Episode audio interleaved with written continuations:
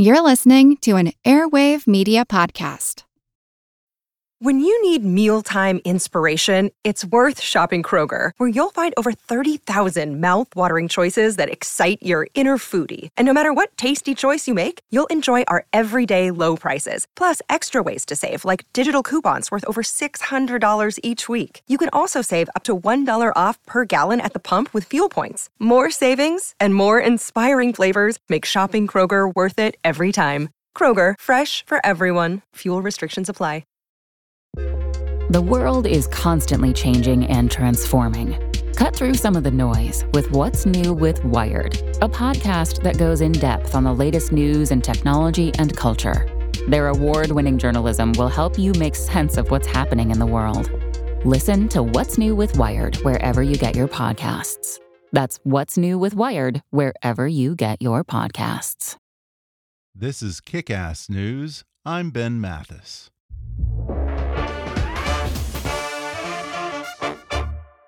When you need energy on the go and don't have time to wait in line, grab Espresso Monster. Espresso Monster is a premium blend of espresso and cream made with freshly brewed espresso coffee, hormone free milk, and a unique energy blend complete with taurine and B vitamins. Each can has three shots of espresso and comes in vanilla espresso and espresso and cream flavors. I had one this morning before I came into the studio, and let me tell you, it gave me just the boost I needed to get my day going. Plus, it tastes so delicious, I'd drink it anyway. So close your eyes, take a sip, and enjoy Espresso Monster today.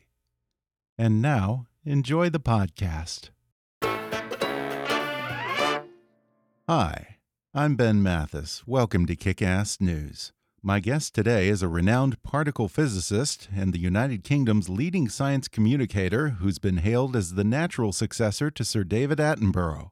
Professor Brian Cox has hosted numerous scientific television shows and sold over a million books worldwide, and his live touring shows have all the excitement and high tech effects of a rock concert and sell out entire stadiums like London's Wembley Arena. It's not surprising because, as Brian Cox reveals on today's podcast, he started out in a popular rock band long before he went into science. He shares why he left the world of rock and roll for particle physics, what he's learning through his participation in the ATLAS experiment at the Large Hadron Collider, and why he says the LHC has disproven the existence of ghosts. He discusses Brexit, the vital link between democracy and science, and his concerns over a growing education disparity. He talks about walking in the footsteps of his hero, Carl Sagan, as a leading science communicator, the idea that he has the hardest time explaining to non scientists, and how the digital effects wizards behind the movie Interstellar are helping him elucidate the wonders of the universe in his spectacular new live show, Universal Adventures in Space and Time. Plus, why he's ready to call a truce in his ongoing feud with Deepak Chopra. Coming up with Professor Brian Cox in just a moment.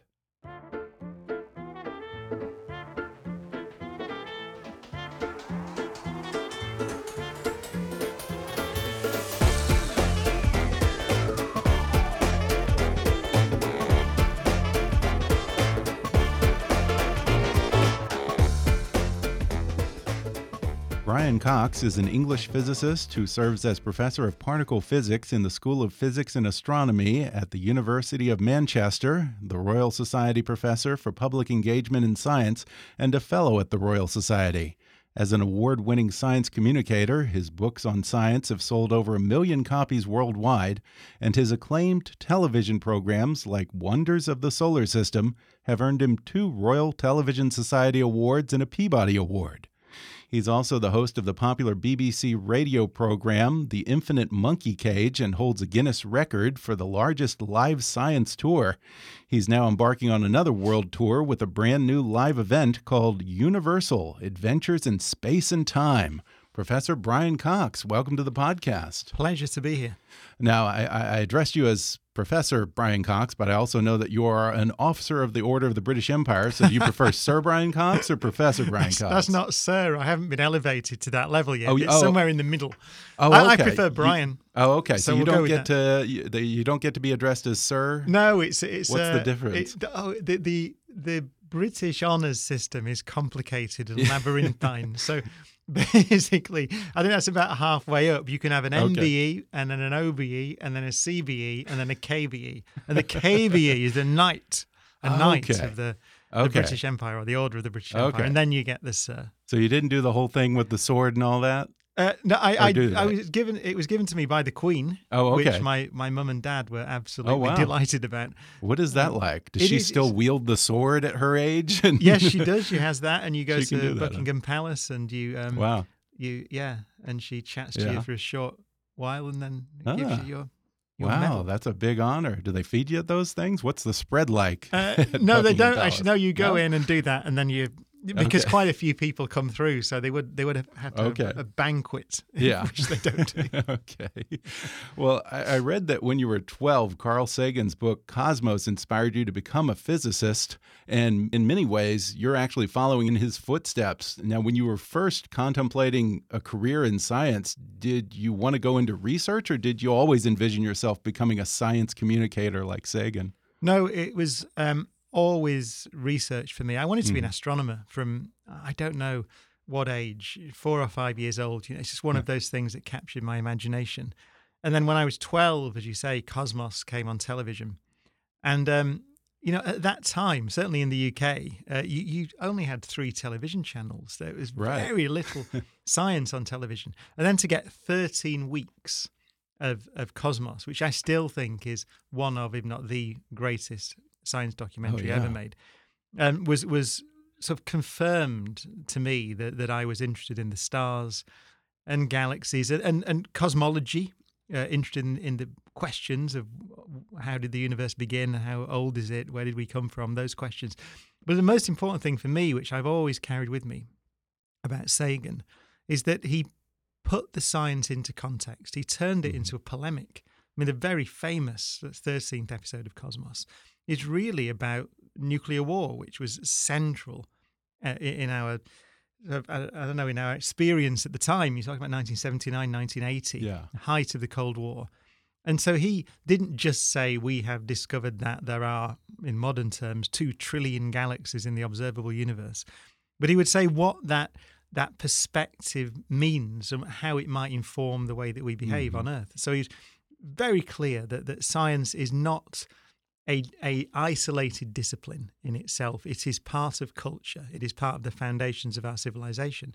And very importantly, the way that you think as a scientist uh, is applicable to other fields. It's, it's, it should not be separated. Science should not be separated from Yeah. politics or art or literature. It, it is part of the human condition. It's part of the way we explore what it means to be human.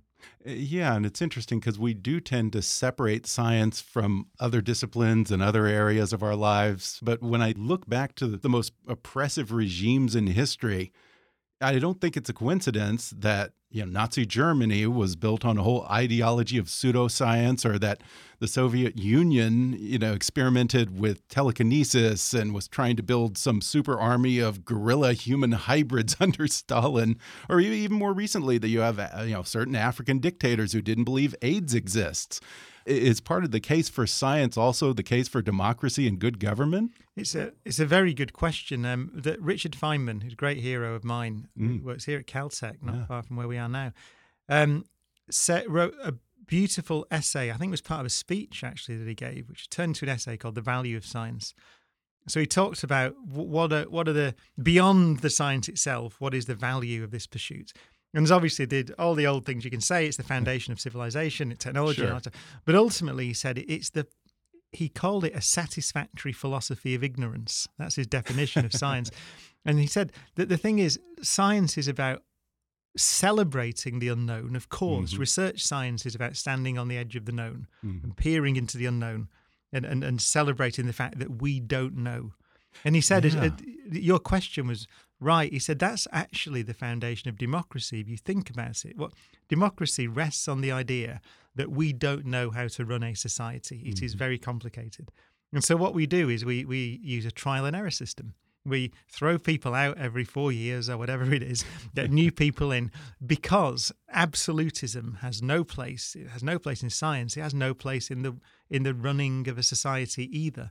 And so that Yeah. parallel, I think, is very important. It's a science is often presented, I think, as a sometimes misrepresented as a people's telling other people how it is. Mm-hmm. So we say the universe is 13.8 billion years old, the Earth is four and a half billion years old, and this is it. The passing knowledge down from the from the mountain on stone tablets.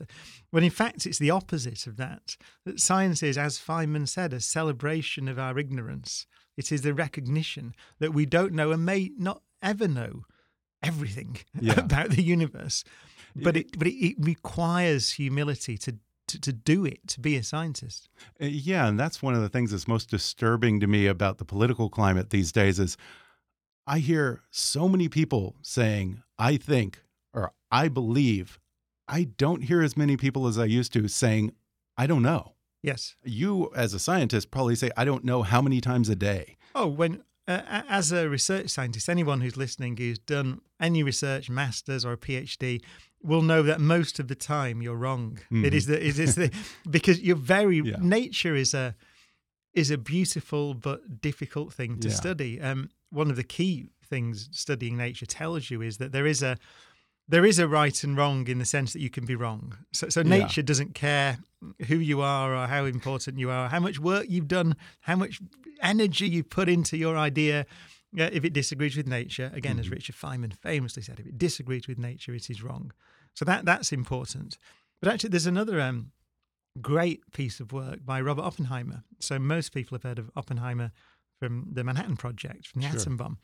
But um, he was a great theoretical physicist. He did a lot of early work on black holes, for example, general relativity. But in the 1950s, after he'd had a difficult time, obviously personally feeling partly responsible for the atom bomb, which, and we could debate that for a long time, whether it was a good thing or a bad thing, whether it kept the peace. Yeah, yeah. I am death, the destroyer of of worlds, or what was it?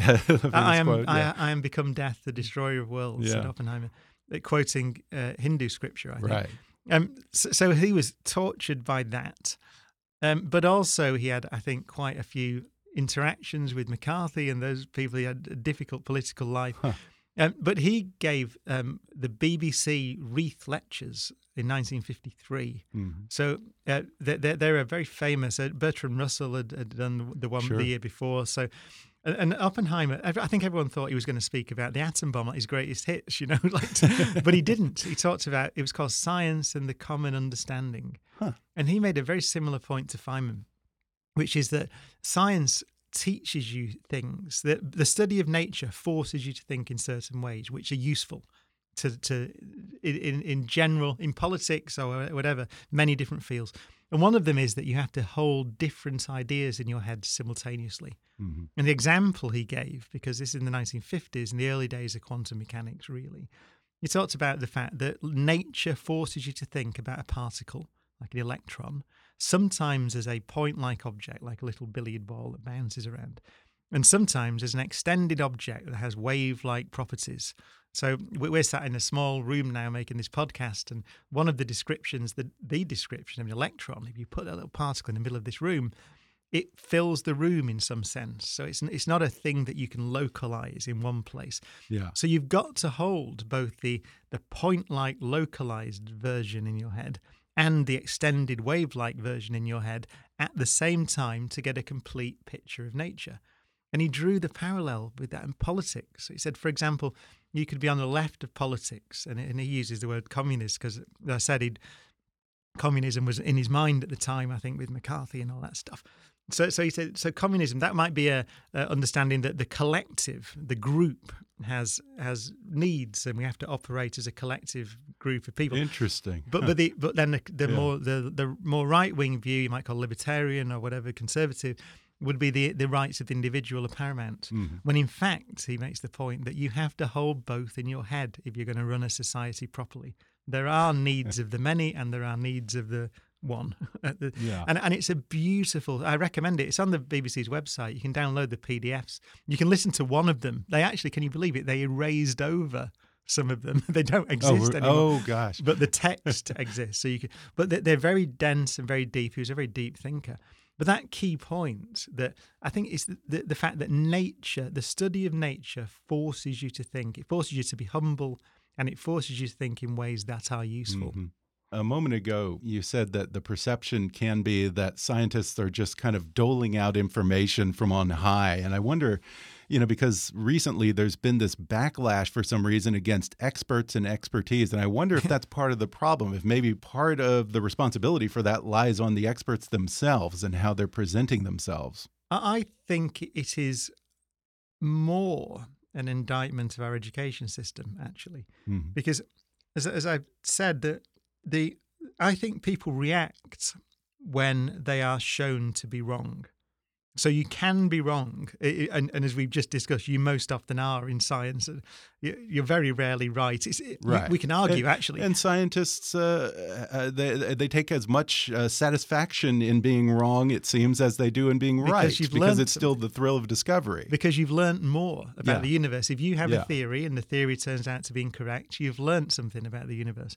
So I think the problem is that science does have measurements. For example, the age of the Earth would be a good one. Right? We mm. know that the Earth is around four and a half billion years old. It's actually quite precisely, and I'll get the the, the number wrong because the, the, details change as we learn new things. It's something like five point five four billion years old, I think, with some error on it. Yeah, and and it um, changes every day. I guess it, it so. does. people narrowing down those errors. Yeah.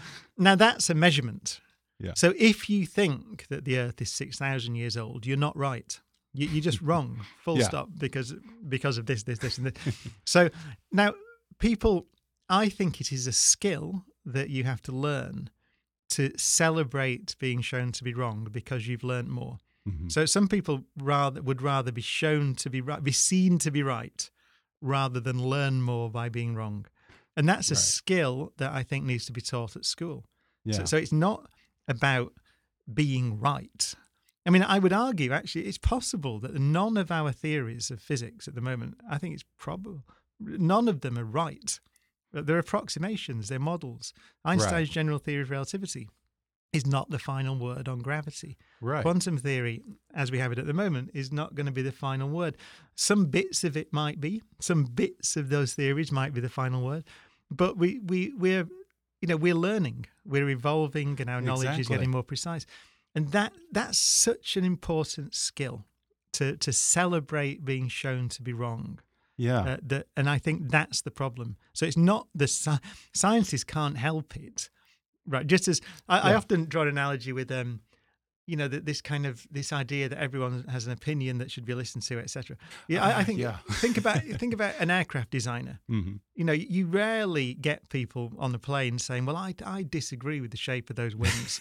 I think yeah. they should be cubic." Yeah. you know, or something like that. Yeah, it doesn't happen. So, so it, I think people do understand innately that expertise is important. When when their mm-hmm. plumbing fails or something, or yeah. their electrics fail, you, you, hire you bring an expert in to fix it. So people know that.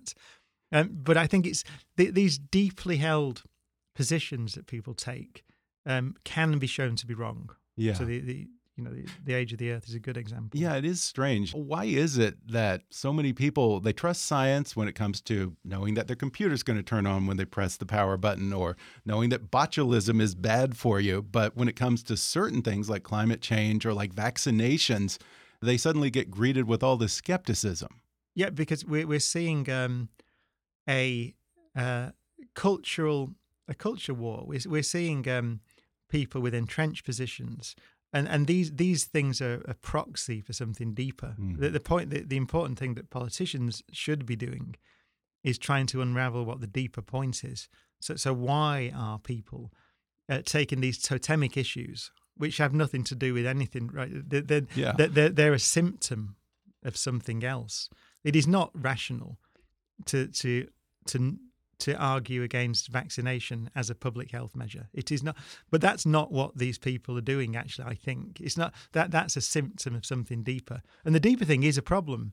So I'm I'm not trying to crit- criticize people who take strange positions because I, what I'm saying is I think that those strange positions are a proxy for something else, mm-hmm. and the something else is probably important. It's probably that you know that their the society is not working well for them. They're, they're as I said, there have been failures in the education system and so on. So th- those things are real issues.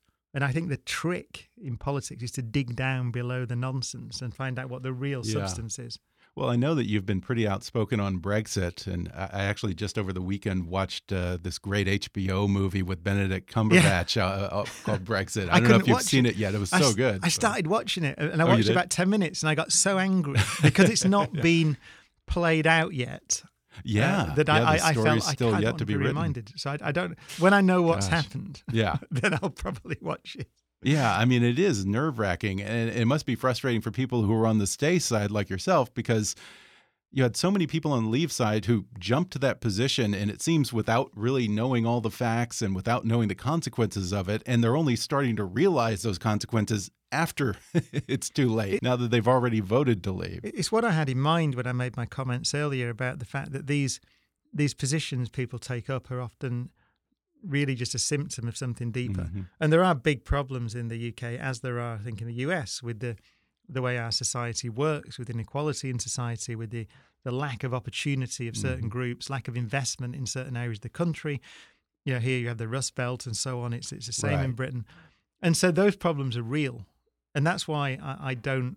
I think we have to be careful not to criticize voters who vote mm -hmm. for mm-hmm. things that we find absurd mm -hmm. or, or uh, you know, almost self-evidently destructive. But the the point is that, that there is there is something deeper there, yeah. and this is the challenge with something like Brexit, is to is to say, well, this is a destructive course. It's clearly a destructive course of action. However, that there are real things to be addressed in the deal that we do in our mm-hmm. society. That the deal has to be rethought, and yeah. I think that's the the key message. So something good might come out of the turbulence both here and in the UK in that sense that actually, at least now we are aware that there are groups of people who've done extremely badly out of our societies. And, that, and yeah. that's the thing we need to treat. In the media, we hear so much discussion of income equality, but I think what is uh, an even more important fundamental underlying problem is education inequality. Yeah. Yes, I think equality of opportunity is what we should be focused on. But mm -hmm. that's my personal view. Yeah. Now, of course, it is true, and people have been listening to this going, yes, but you know, what is it? Is, was it 50, 40 people own sort of a third of the wealth in the world or something? I can't remember. Right. I mean, they, they, these are obviously these extremes. I think are not helpful, right? But, right. but ultimately, as you say, I really profoundly agree that really what what I care about is that my kids have uh, the opportunity to do well, mm-hmm. uh, and and and it's clear that there is not equality of opportunity across America or actually the UK as well. Yeah. And so that's what we need to address first. Yeah. I, I actually think that income inequality sort of gets addressed partly at least if you make sure that every kid has the same right. chance. We're going to take a quick break and then I'll be back with more with Professor Brian Cox when we come back in just a minute.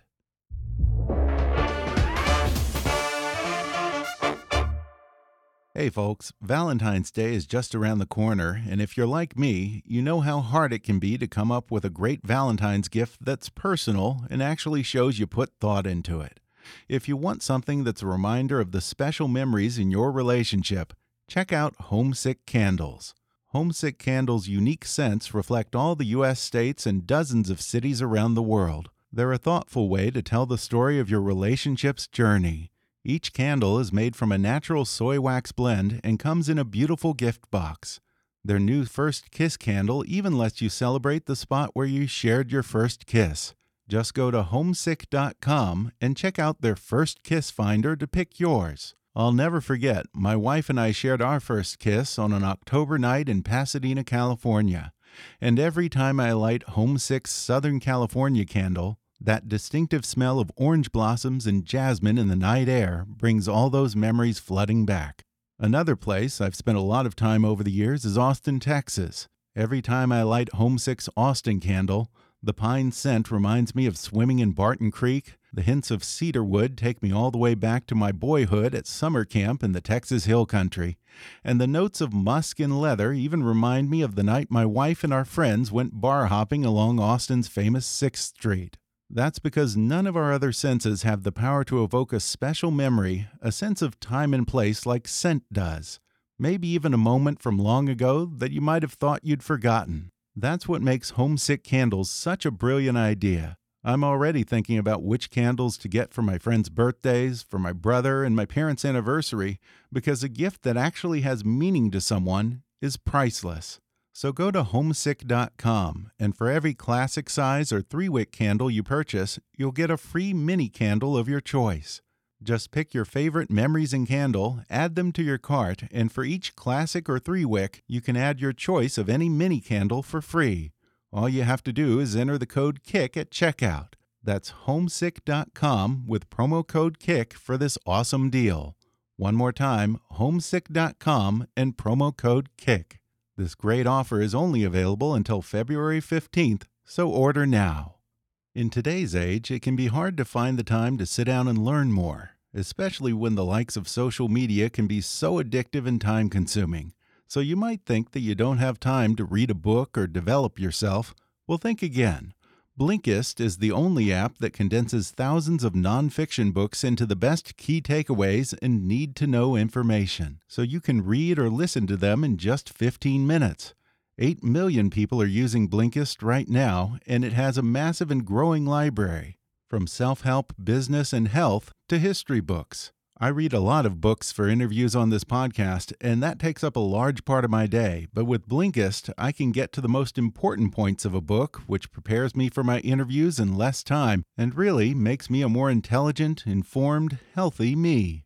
For instance, I just had Dr. Steven Pinker back on the podcast, so beforehand I used Blinkist for a quick refresher course on two of his most recent books, The Better Angels of Our Nature and Enlightenment Now. They have a long list of books available. Over the holidays, I used Blinkist to reacquaint myself with Dale Carnegie's classic, How to Win Friends and Influence People. Plus, I'm an auditory learner, so being able to listen with Blinkist suits me perfectly. And right now, for a limited time, Blinkist has a special offer just for my audience. Go to Blinkist.com slash kick to start your free seven-day trial. That's Blinkist, spelled B-L-I-N-K-I-S-T. Blinkist.com slash kick to start your free seven-day trial. One more time, Blinkist.com slash kick. Did you know that 43% of college graduates are underemployed, working jobs that don't even require a college degree? Imagine if one of the most significant investments of your life, your college degree, only worked half the time. A refund is the least you'd expect. With courses in software engineering, data science, and UX UI design, Flatiron School stands behind its students with a tuition money back guarantee.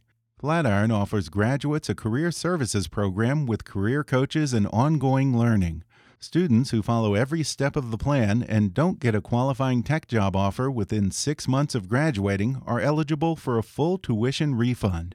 See the complete details at flatironschool.com/terms.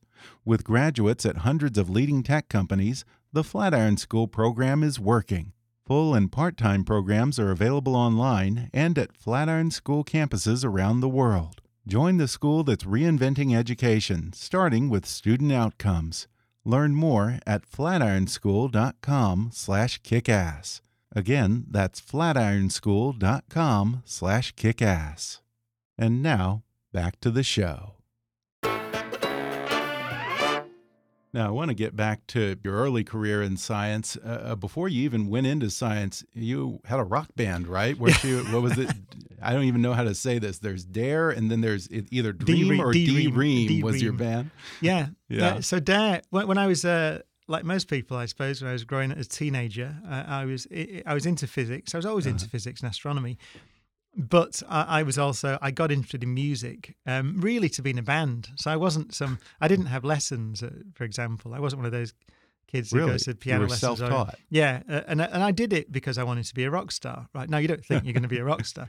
well, but, but, you know, in fairness, I had Roger Daltrey on uh, not that long ago, and he pretty much went the same path. He taught yeah. himself. He built his own guitar, and you know, worked out for him. So it's not a crazy idea. No, and that's what I did. And then, and actually, talk about Roger building his guitar. I, I built uh, electronic instruments because you couldn't get them in, in sort of 80s. Really? They were very, very, uh, or the 70s, very expensive. Yeah. So we used to, in our physics lessons at school, myself and a friend of mine, used to go to our physics teacher and say, "We need to build a little thing to interface this drum machine to this thing, and, and, and you know this keyboard, and build a thing called a noise gate and all sorts of stuff that we used to do." but uh, but then um, I we made a demo tape, my little school band, and a guy, the keyboard player from the band Thin Lizzy, you might know, um, Yeah. moved close to where we live in near Manchester, and in in the north of England. And um, so he, I gave him a demo tape, and he uh, just must have listened to it. But then when Thin Lizzy split up, he formed a band, and he and he just came to me and said, "Do you want to audition for the band?" And I was eighteen, so I said, "Yeah," and I got into the band. So so I said, "I I won't go to university for a year. I'll, I'll have a year off." Okay. and I will just be in this band. And then we got a record deal, not surprisingly, because the guy had been in Thin Lizzy anyway and knew everybody, I suppose, with A and M Records, and Oh, ended wow. up uh, here in LA um, recording an album with a great two producers, Mike Shipley and uh, Larry Klein. And Larry Klein at the time was ma- ma- married to Joni Mitchell, and we recorded some of it in her house, and we had this amazing no kind of life. And this is, you know, from I- I'd been out of the country once when I was 18. I'd been on a school trip to Austria, I think. and That was it. And I found myself in LA recording an album with these gods of music. Yeah. right? Wow. And um, so that that was, the, and then we ended up touring, and so we had about five years of that actually. yeah. So I didn't go you were to the real for deal. Five years. This wasn't just a pipe dream. No, it just Yeah. made two albums with A and M Wow. uh, here in both in LA actually, So and then and then uh, and then what the- happened? Why'd you the- go into science? Well, the band. Well, I, I'd always, as I said, uh, from the age of four or five, I wanted to be an astronomer. So I was reading science books on the tours, and I Mm-hmm. Oh, was really? a keyboard player, and all, all keyboard players are into science, and it's, it's a geeky kind of thing to do. And uh, yeah, and then and so then the band. Um, Sort of had a bit of a fight, and we'd all got a bit sick oh, of each of other. course. Okay. And I went back, and the day after, I applied to the University of Manchester to do physics. Okay. Got in, and then in, and I had a year to wait. It was kind of a bad time. It was October or something. I couldn't go till the following year. Oh yeah. So I got a job as a sound engineer with this band D Ream, who didn't have a record deal. And then they got a record deal and said, Do you want to play keyboards? And the most famous thing we did um, as a band was we had a big number one hit in the UK, but the, the song got used by Tony Blair to get elected in 1997. So a song called Things Can Only Get Better, which you could use now actually politically in both our countries. yeah, for sure. and so so that had a sec- so I had a second life as with this band D Ream. Well, you chose particle physics. Mm. Uh, what interested you specifically in that area of science? It's um, they're, they're both cosmology and particle physics. They they sort of meet at the in certain areas, certainly close to the origin of the universe. Mhm. Um, a- and that's what I became interested in. So I be I became interested in um, how in, in the laws of nature and how they behave very close to the Big Bang. Okay. And that was that one way of looking at the Large Hadron Collider at CERN, which is where I Which you're I've working many on, years, right? yeah. Yeah. Um, one way of looking at that is that it recreates the conditions that were present um, less than a billionth of a second after the Big Mhm. Bang. Wow. So, so you and what we've learnt is that the physics, the physical laws, are simpler back then. So, so one way of looking at the evolution of the universe. That's interesting. Really? Yeah. How, how does that work? Because uh, aren't physical laws fixed and Well, permanent? Yeah, no, you're right. I mean, I'm being sort of lazy with my language. It's Oh, the, the- okay. so, so for example, um, the there's a force called the electromagnetic force, Uh-huh. which is uh, we're very familiar with Sure. refrigerator magnets and so on, and electricity. And then there's a force called the weak nuclear force, Mhm. which is responsible for. If you're a college student, you'll you'll know radioactive beta decay. So certain kinds of radioactive decay, also very important in the the way that the sun shines and stars shine. So it's the force that allows you to build helium from hydrogen, which is what stars do. So it's an important force, uh, hidden from us in everyday life, really, apart from radioactive decay. But what we find is you go to higher and higher temperatures, higher and higher energies. Those forces so, are seen to be one and the same force. So they're, they're, they're, they're one thing that sort of splits as the universe cools into two different phenomena. So, so what we find is that the the description of nature in the very earliest times seems to be simpler, and then it's almost as if complexity complexity emerges as a as a as a process of the universe cooling, but also actually going from a very ordered system at the Big Bang to a disordered system, which is going to be the future of the universe.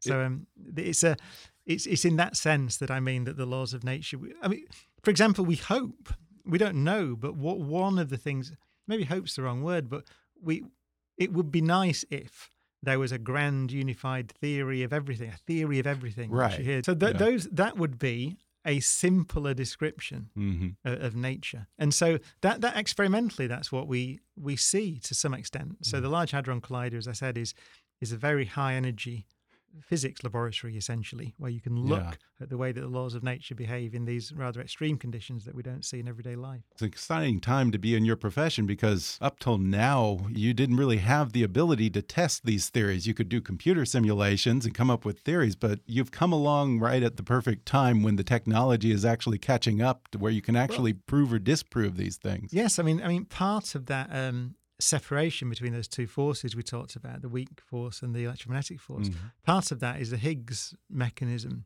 that's involved in that that that separation. Yeah. And uh, that so the Higgs boson, this thing, was was predicted in the 1960s by Peter Higgs and others, um, and it wasn't until the 21st century that we had the technology to build a particle collider big enough to see it. But we have seen it. We didn't have to see it.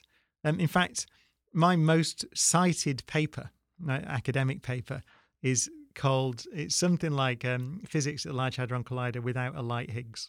right. So in the abstract, it says Okay. that it's called WW scattering actually. But in the abstract, it says so. This is a paper about what physics we might expect if there isn't a Higgs boson Okay. at the LHC.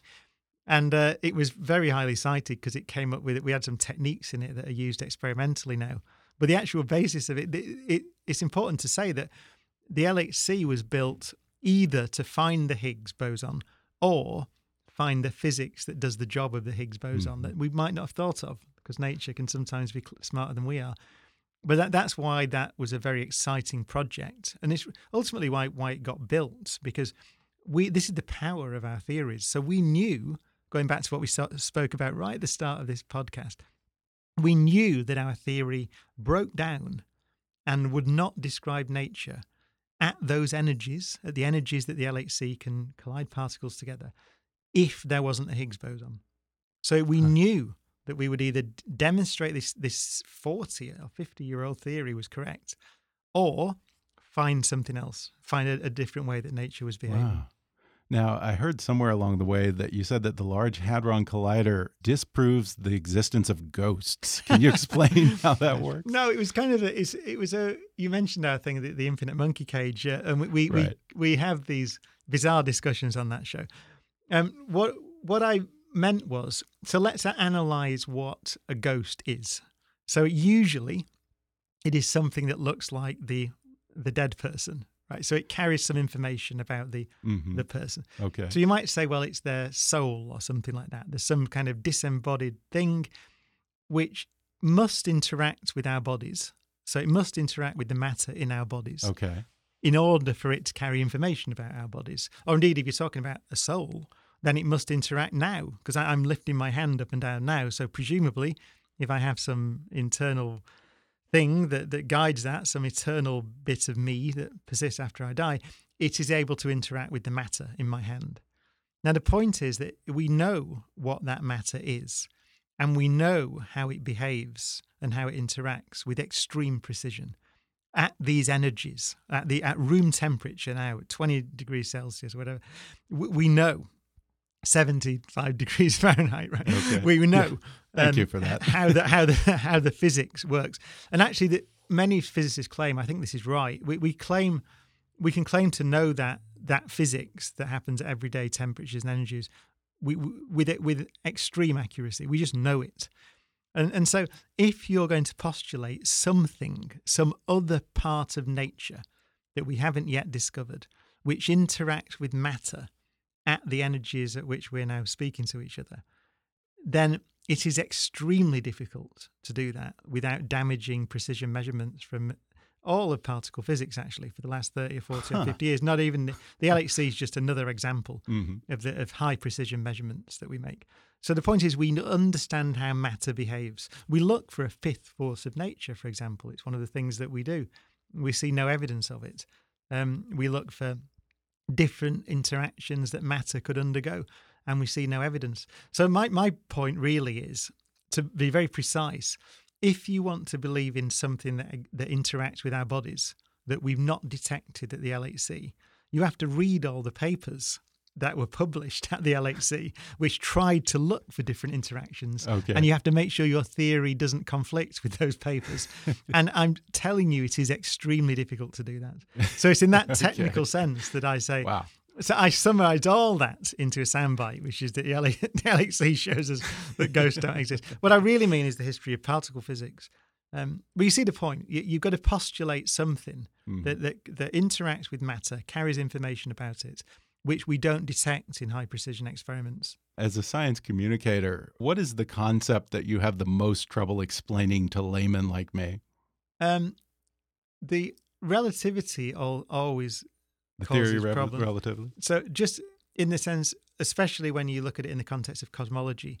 So, a, a question that uh, I often get asked is what happened before the Big Bang? That's a really common question. Or um, does the universe have an edge? Which is a similar kind of question, actually. Ultimately, is there an origin in time? Is there is space infinite? Mhm. What is the universe expanding into? These are questions that we get asked a lot, and they are they're quite difficult to answer just verbally in a minute or so. I mean, you can answer them. The, so the, what happened before the Big Bang is we don't know. Yeah, Right. right. We don't even Which know is the- okay to say. Yeah, we, we don't that. even know if there was an origin to, in time. That that's Wow. uh, so it can be that the universe is eternal. Um, it, some of our best theories actually now that that predict, for example, the way that galaxies are distributed across the universe. Those theories require that the universe was in existence before it was hot and dense. Wow. So some of them, there- there's a theory called inflation, which suggests that before the before the Big Bang, which, which we now are more precise and called the hot Big Bang. So before the universe was hot and dense and filled with the particles out of which we are made, um, the universe was still there and it was stretching very fast, and it was in a very real sense cold and empty. There's a, no structures in it. The, the matter out of which galaxies are made was not in it, um, but it was stretching very fast, which is why it's called inflation. And then that period drew to an end.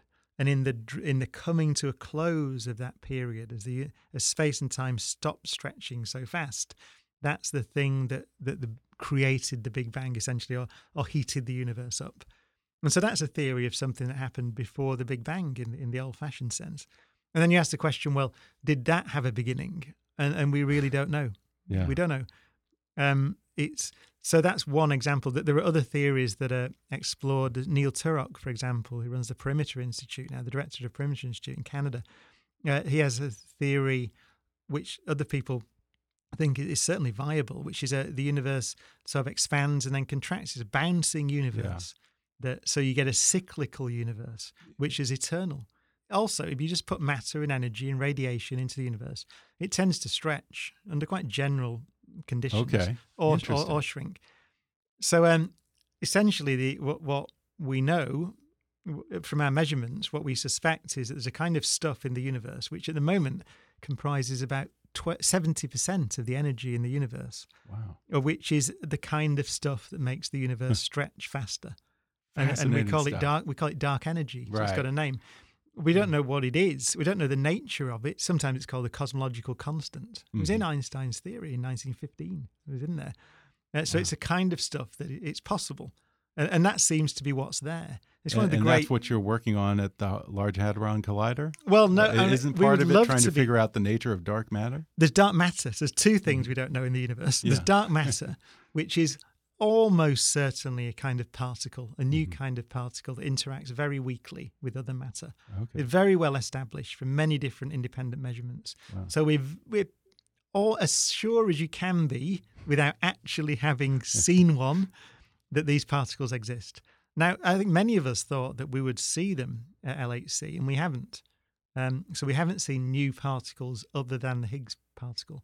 So that's kind of a surprise, I think. But there are other experiments that are trying to detect these dark matter particles directly, because if they exist, uh, I emphasize we're pretty sure that they do. Then they'll be in this room now. They'll be flying around. We'll be we're, we're in a sea of dark matter. Basically, outnumbers the the matter out of which stars and galaxies are made. That are the things that shine, uh, the gas and dust and stars. It outnumbers that five to one in the universe.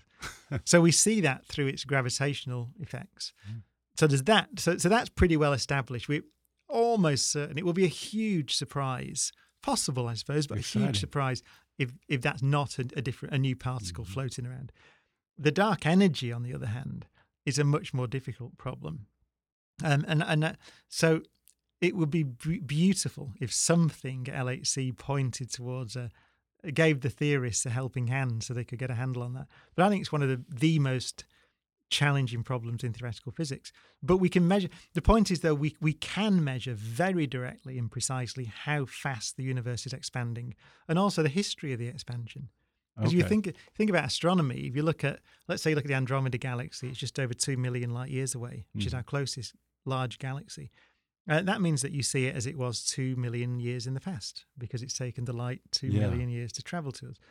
So when you're looking at galaxies that are 13 billion light years away, um, or were when they emitted the light, um, you can see that the expansion of the universe is encoded into that light. Wow. That light's been traveling through an expanding universe for 13 billion years. So, so as you look further out into the universe, you you get it's almost it's a four dimensional picture basically. So you're you're not only seeing distant things, but you're seeing back in time, and so we can use that to reconstruct the expansion history of Wow. the universe with quite high accuracy. So we can see, given Einstein's theory, we can see how the space is responding, and therefore we can deduce what's in it and how that's changed over time. And so we can get quite a precise picture of the evolution of the universe. wow. But it doesn't mean to say we know what that stuff is. yeah. so we know what it does, Yeah. but quite a lot of it, we don't know what it is. I mentioned earlier that you have this big live tour coming up Yeah. um, called Universal Adventures in Space and Time. What kind of subjects are you tackling in these live shows? well, it's a, a, there are different levels. At one sense, it's about cosmology. So Mhm. it's about, but really, it is also, and I'm quite explicit in the shows. Cosmology is a is a I think fascinating and terrifying to people in equal measure. So it's it's fascinating because we're talking about the origin and evolution of the universe. How big is the universe? What's in it? Those questions. But also, it's about it's about our place. You can't escape questions about our place and what it means to be human. It, it once you're presented with the idea that even the Milky Way galaxy has got somewhere between two and four hundred billion stars, uh, and that's our current measurements of it. And most of those are planetary systems. You know, four hundred billion stars, of which we are one. It takes light 150,000 years to cross it. So it's a big island of stars. But that's one of around 2 trillion galaxies in the part of the universe we can see, which is called the observable universe. And we think the universe extends way beyond that and may even be infinite. So immediately that challenges our idea of who we are. Um, what does it mean? Does it mean we're insignificant? Well, physically, yes. But at the same time, um, you can argue that we haven't seen life elsewhere. This is one example. We haven't even seen microbes anywhere, and we've looked, you know, in the in the neighborhood on Mars, and Mhm. that's the moons But, of but what, Jupiter. what, and what about what they found? They, didn't they find the building blocks of biology? then We see the building blocks. Yeah. So we see things like amino acids, Mhm. um, and that's not surprising, I think, because chemistry is universal. So, Right, and yeah.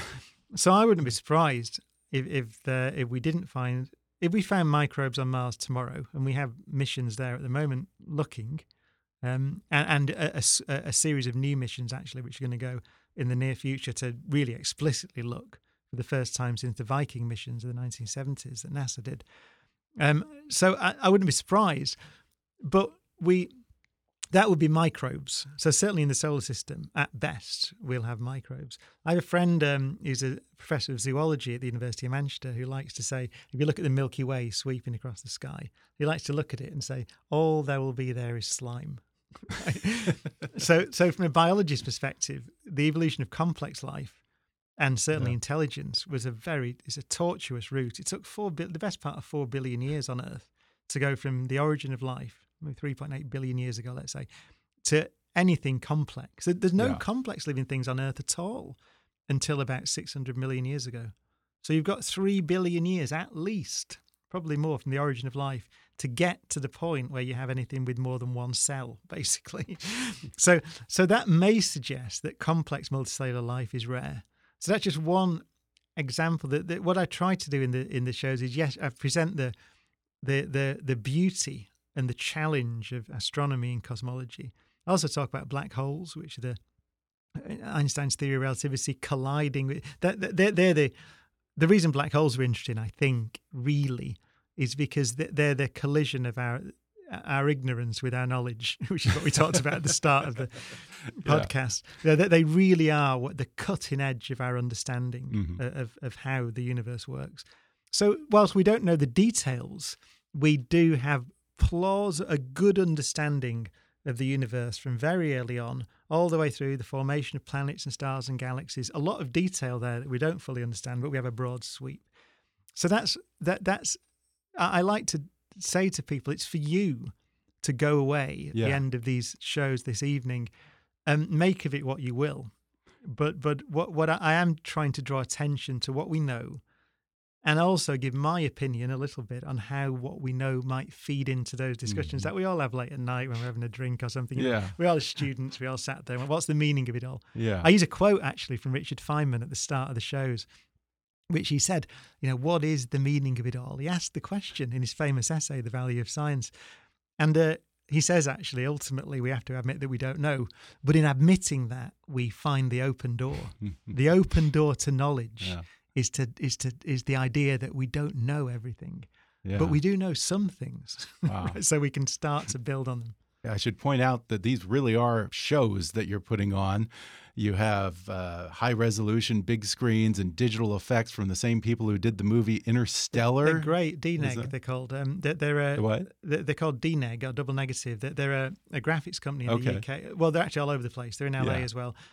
And uh, they, what they did for Interstellar, because Chris Nolan is is so obsessed with accuracy. Right. That, uh, yeah. And Kip Thorne was very heavily involved. I know you. Oh, you right. Know. Yeah, yeah. So um, what they did was they coded Einstein's theory of general relativity, so the predictions of Einstein's theory, into their graphics software. So when you see a black hole, so you can see the theory illustrated. It, it, it actually yeah. solves the equations and it ray traces light really? from a distant star background. Oh, that's amazing! Through around the black hole, and so, what you see in Interstellar when you see the black hole Gargantua is the best uh, description of a black hole we can come up with using Einstein's theory. Wow! So I got to use that code because they had the code. How cool! So, so, so they've done. Uh, so, as I said, black holes are are very central to the story of all of physics mm. because they're where our knowledge stops. Wow. Right. Oh, no, no, that's wrong. It's not our knowledge stops. Okay. A lot of physicists who are listening will get upset about it. It's where, where, where the known collide with the unknown. Mm. So we hmm. know a lot, but we also don't know some stuff. And black holes are the, the laboratory, yeah. one of the laboratories to test yeah. that. That's so cool. And so, so they're, they're, yeah, they were generated by DNEG. And, um, wow. You're bringing some of your old, uh, you know, rock star aesthetic to science, huh? Well, it's because the thing is, astronomy is spectacular and and humbling. Carl Sagan actually said uh, astronomy is a, a, a, humbling and character building experience. So part of it is the scale and beauty, mm-hmm. but um, so for that we wanted to use these big LED screens. And the great thing about this tour, although I'm not as well known here in the states, in the UK I, I can do very big shows. So so it's right, actually, you fill arenas. Yeah, so it's designed for 10, 12, 15,000 seat arenas. So that so all the very expensive graphics that you can have made, I can play with really expensive toys. Then I can come to the states and bring all that stuff with me. And although we'll be in, you know, 1500, 2000 seaters or whatever in the state, it still has that that massive investment in graphics. So I'd like to say the audience in the States are getting it cheap. Yeah. it's, it's, good value here in the States. well, before we go, I just have to ask what is the status of your feud with Deepak Chopra? Deepak. It's funny, actually, because um, it started because, you know, obviously we don't see eye to eye on the nature of things. I mean, right. for example, I think Deepak is. Uh, thinks that consciousness is yeah. is, is a I mean, one could say he doesn't see thing. eye to eye with reality. I guess yeah, well, in some respects. But but I, so so we've we've had uh, well, I would say it's a good natured bit of yeah toing and froing on Twitter and but actually, you know what though? Uh, recently, um, I, I've realised that, as you said, the, the, the, there are real problems we have at the moment, yeah. and so I think I, I've come to think that people who just believe in nonsense and not necessarily the biggest Right. challenge that we face. Yeah. So, oh man. so I've kind of good. mellowed um, a bit. I, I'll Yeah. resume. I'll resume my good-natured Yeah. feud with Deepak when we've when we've solved the rather more pressing problems Well, yeah. that we've got in politics. When you return to. California, maybe you should invite him to a show here in LA. Well, he's, may- he's in the in the neighborhood pretty much. maybe I should, Yeah. maybe I should actually say, well, Yeah. look, this is my this is my It's view. your mea culpa. This is what I think uh, about the Excellent. Uh, the uh, not just me, but you yeah. know, all, Well, all these people from Newton onwards. so Galileo, Galileo, Newton, Copernicus, Yeah, Feynman, big and club. Einstein. You know, th- this is what we think. Well, once again, the tour is called Universal Adventures in Space and Time. And again, you can find dates and get tickets at profbriancoxlive.com. yeah. Professor Oh, oh, Brian there's, Cox- there's also briancoxlive.co.uk if you don't mind. But, Okay. uh, but my promoter who sat aside, he's listening now, and he said, he said, no, in, you know, in the States and Canada, we don't like the .co.uk thing, so you have to have a dot .com. Well, definitely go check out the tour. It's called Universal Adventures in Space and Time. Professor Brian Cox, thanks so much for talking with me. Pleasure. Thanks again to Professor Brian Cox for joining me on the podcast. Don't miss his world tour called Universal Adventures in Space and Time. Find out more and buy tickets at profbriancoxlive.com. Or if you're in the UK, visit briancoxlive.co.uk. Also, be sure to subscribe to Brian's podcast, The Infinite Monkey Cage, and follow him on Twitter at, at Prof. Brian Cox.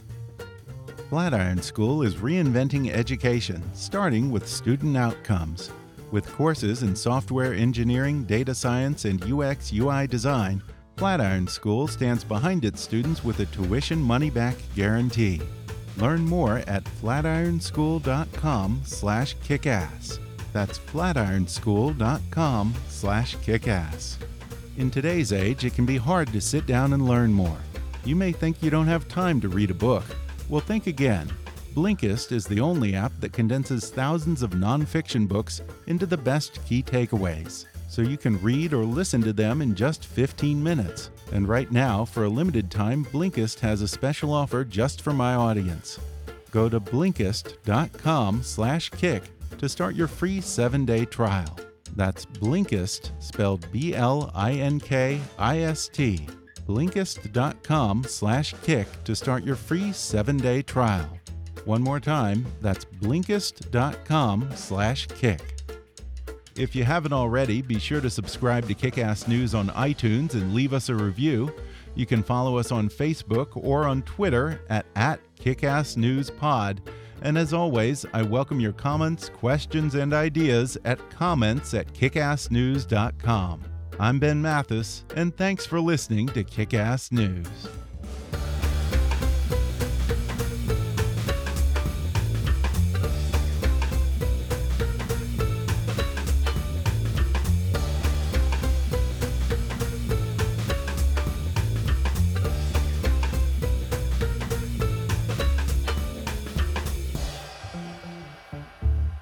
Kickass News is a trademark of Mathis Entertainment, Inc.